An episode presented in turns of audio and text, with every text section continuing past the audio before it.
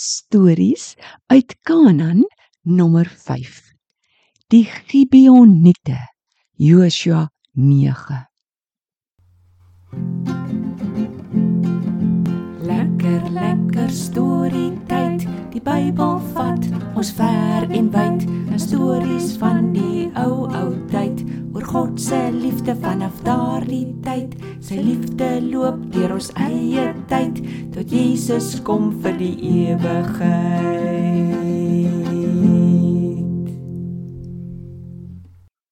Mmm. Danny Gordon. Dat ruik so lekker. Hallo Tobias. Ek dink jy ruik die padkos wat ek besig is om te maak.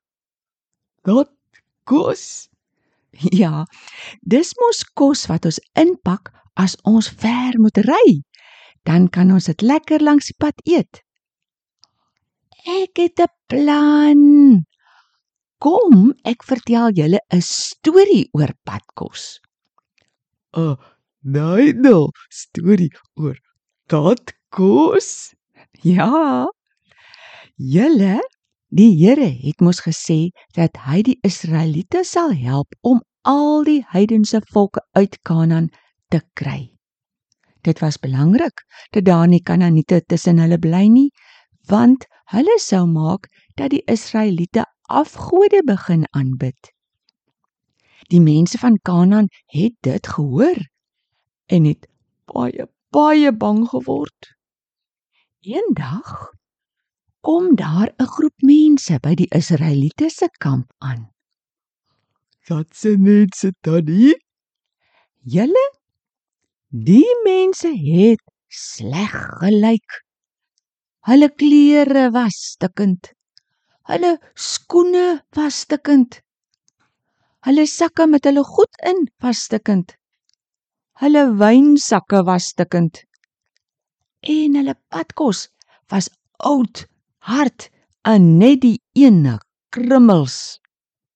O! Oh, het hulle dan daar geloot om daai Joshua uit te kom? Wel, dis wat hulle gesê het. Ons kom uit 'n ver land. Ons wil graag met julle 'n verdrag sluit. Verdrag sluit? Tobias, dit beteken hulle wou hê dat die Israeliete moet beloof hulle sal goed wees vir hulle.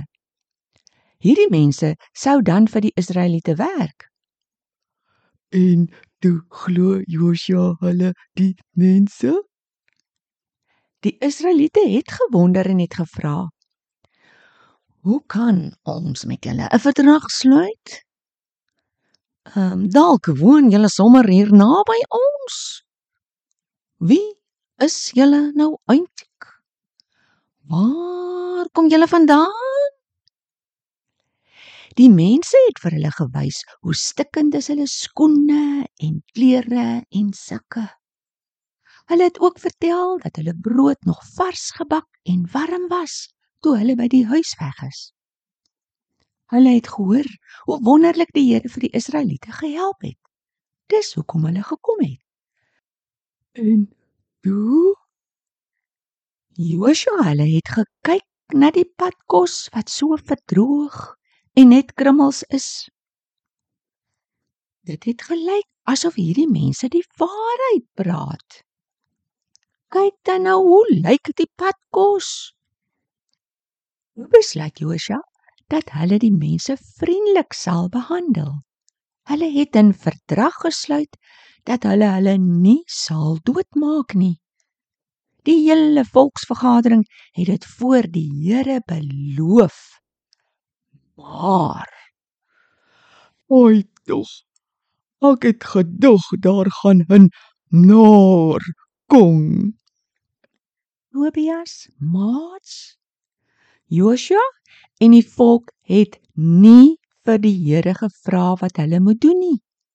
Hulle het nie vir hom gevra of die mense die waarheid praat nie. Ag nee. Dis altyd 'n sout. Ons kan nos enige tyd sê die Here raad vra. Ja, ons kan. Maar hulle het nie en het gou hulle fout agtergekom. 3 dae nadat die mense terug is, vind hulle uit hierdie mense was van die stad Gibeon. Hulle en drie ander stede se mense is die Hiwite genoem.